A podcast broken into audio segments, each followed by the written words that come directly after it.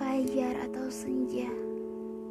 Di ujung helai di daun hijau kutemukan embun yang begitu sejuk. Sambil mengingat satu kata yang pernah terucap olehmu. Ku sentuh dan rasakan sejuknya embun kala itu. Sambil menikmati angin yang membuat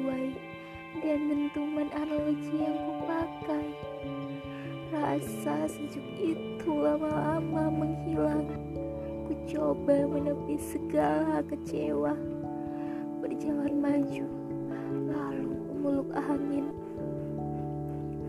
Aku hanya bisa melihat cahaya jingga di ujung senja yang pernah berjanji untuk memberi rintik bahagia.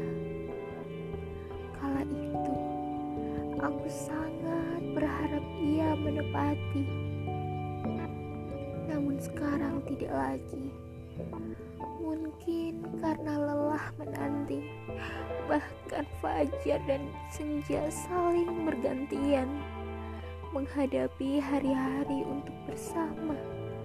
Sedang aku hanya menanti embun fajar di hari yang mulai senja.